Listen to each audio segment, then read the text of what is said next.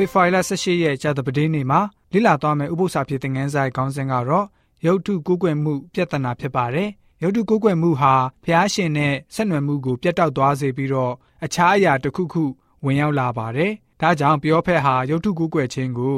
ဝိညာဉ်ရေးဖောက်ပြန်ခြင်းလို့ခေါ်ဆိုထားပါတယ်။ဟိရှာယအနေနဲ့ရုပ်တုကိုဘယ်လိုမျိုးသတ်မှတ်ပါသလဲဟိရှာယအနာဂတိကျမ်းခန်းကြီး41အငယ်29ကိုဖတ်ပါမယ်သူတို့သည်အကျွင်းမဲ့အနတ္တဖြစ်ကြ၏ သူတို့အမှုများလည်းအဘယ်မျှမဟုတ်သူတို့တွန်းသောရုပ်တုတို့လည်းအတ္တမရှိလေတက်တက်ဖြစ်ကြ၏ဆိုပြီးတော့ဖော်ပြထားပါတယ်ရှေးခေရုပ်ထုကုကွယ်သူတွေရဲ့ခံယူချက်ကတော့ကြီးမြတ်ပြီးတော့တကူကြီးတဲ့သူရဲ့ရုပ်ထုဒါမှမဟုတ်အမှတ်သားတစ်ခုကိုရှ िख ိုးတာလို့သတ်မှတ်ပါတယ်ရုပ်ထုကုကွယ်ခြင်းဟာအခြားဖျားကိုကုကွယ်တဲ့အတွက်ကြောင့်ပထမပြည့်ညက်ချက်ကိုချိုးဖောက်တာပဲဖြစ်ပါတယ်ထမြောက်ကျန်ခန်းကြီး20ငယ်3မှာငါမှတပါအခြားသောဖျားကိုမကူးကွယ်ရဆိုတဲ့အချက်ဖြစ်ပါတယ် ဒါပေမဲ့ရုပ်တုတစ်ခုဟာတကယ်ပဲစစ်မှန်တဲ့ဖျားသခင်ကိုကိုစားပြုမယ်ဆိုရင်ရွှေနွားတငယ်ရုပ်လိုဖြစ်လာပါလိမ့်မယ်အဲ့ဒီအရာကိုဖျားရှင်ကမိမိရဲ့ကိုစားလို့သတ်မှတ်တာကိုလုံးဝတားမြစ်ထားပါတယ်အကြောင်းကတော့ဘုရားသခင်ရဲ့ပုံတံကိုဘယ်သူမှမသိနိုင်ပါဘူးဘယ်အရာကမှလည်းပဲသူ့ရဲ့ကြီးမြတ်ခြင်းနဲ့ဘုံတကူကိုကိုစားမပြုနိုင်ပါဘူး။ဒါကြောင့်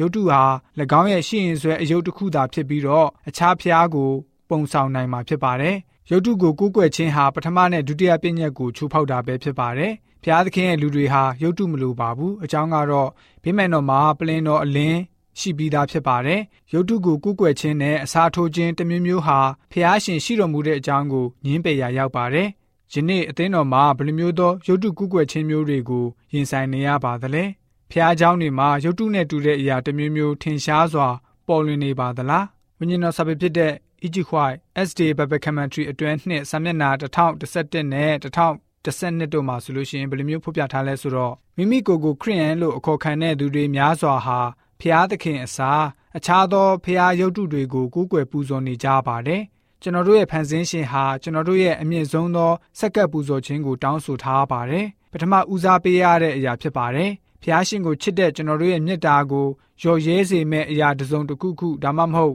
ကြားဝင်လာပြီးတော့ဖျားရှင်ကိုကိုးစားခြင်းအတွက်အနှောက်အယှက်တစ်မျိုးမျိုးဟာကျွန်တော်တို့ရဲ့ရုပ်တုပြစ်လာပါတယ်ဆိုပြီးတော့ဖော်ပြလိုထားပါတယ်။ရှေးဟောင်းစာပေအရေးအသားထဲမှာရုပ်တုအကြောင်းဟာဆွဲဆောင်မှုရှိတယ်ဆိုတာကိုကျွန်တော်တို့သိရပါတယ်။ဘာကြောင့်လဲဆိုတော့ပစ္စည်းဥစ္စာကိုအသားပေးတဲ့ဝါဒဖြစ်တဲ့အတွက်ကြောင့်ဖြစ်ပါတယ်။အဲ့ဒီရုပ်တုကိုကိုးကွယ်တဲ့သူတွေဟာချမ်းသာကြွယ်ဝစည်းစိမ်တိုးပွားတယ်လို့ယုံကြည်နေကြပါတယ်။ အဲ့ဒီဘာသာရေးဟာမိမိကိုယ်ကိုပြန်ပြီးတော့ကူညီတဲ့ဘာသာရေးဖြစ်ပါတယ်။ကျွန်တော်တို့ယုံကြည်သူများအနေနဲ့ဖန်ဆင်းရှင်ကိုကိုးကွယ်မှာလားဒါမှမဟုတ်အခြားအရာတစ်ခုခုကိုကိုးကွယ်မှာလားနောက်ဆုံးပြောရမယ်ဆိုရင်တော့ကျွန်တော်တို့ဟာအရာတစ်ခုခုကိုကူးကွယ်နေတဲ့သူတွေပဲဖြစ်ပါတယ်ဒီတကြောင်ကျွန်တော်ယုံကြည်သူများအနေနဲ့ဖန်ဆင်းရှင်ဖျားကိုသာလင်ကူးကွယ်ယုံကြည်ကြတဲ့ယုံကြည်သူတွေဖြစ်စေဖို့အတွက်ကြာတပဒင်းနေဥပု္ပ္ပစာပြေသင်ငန်းစာကဖော်ပြပေးထားပါတယ်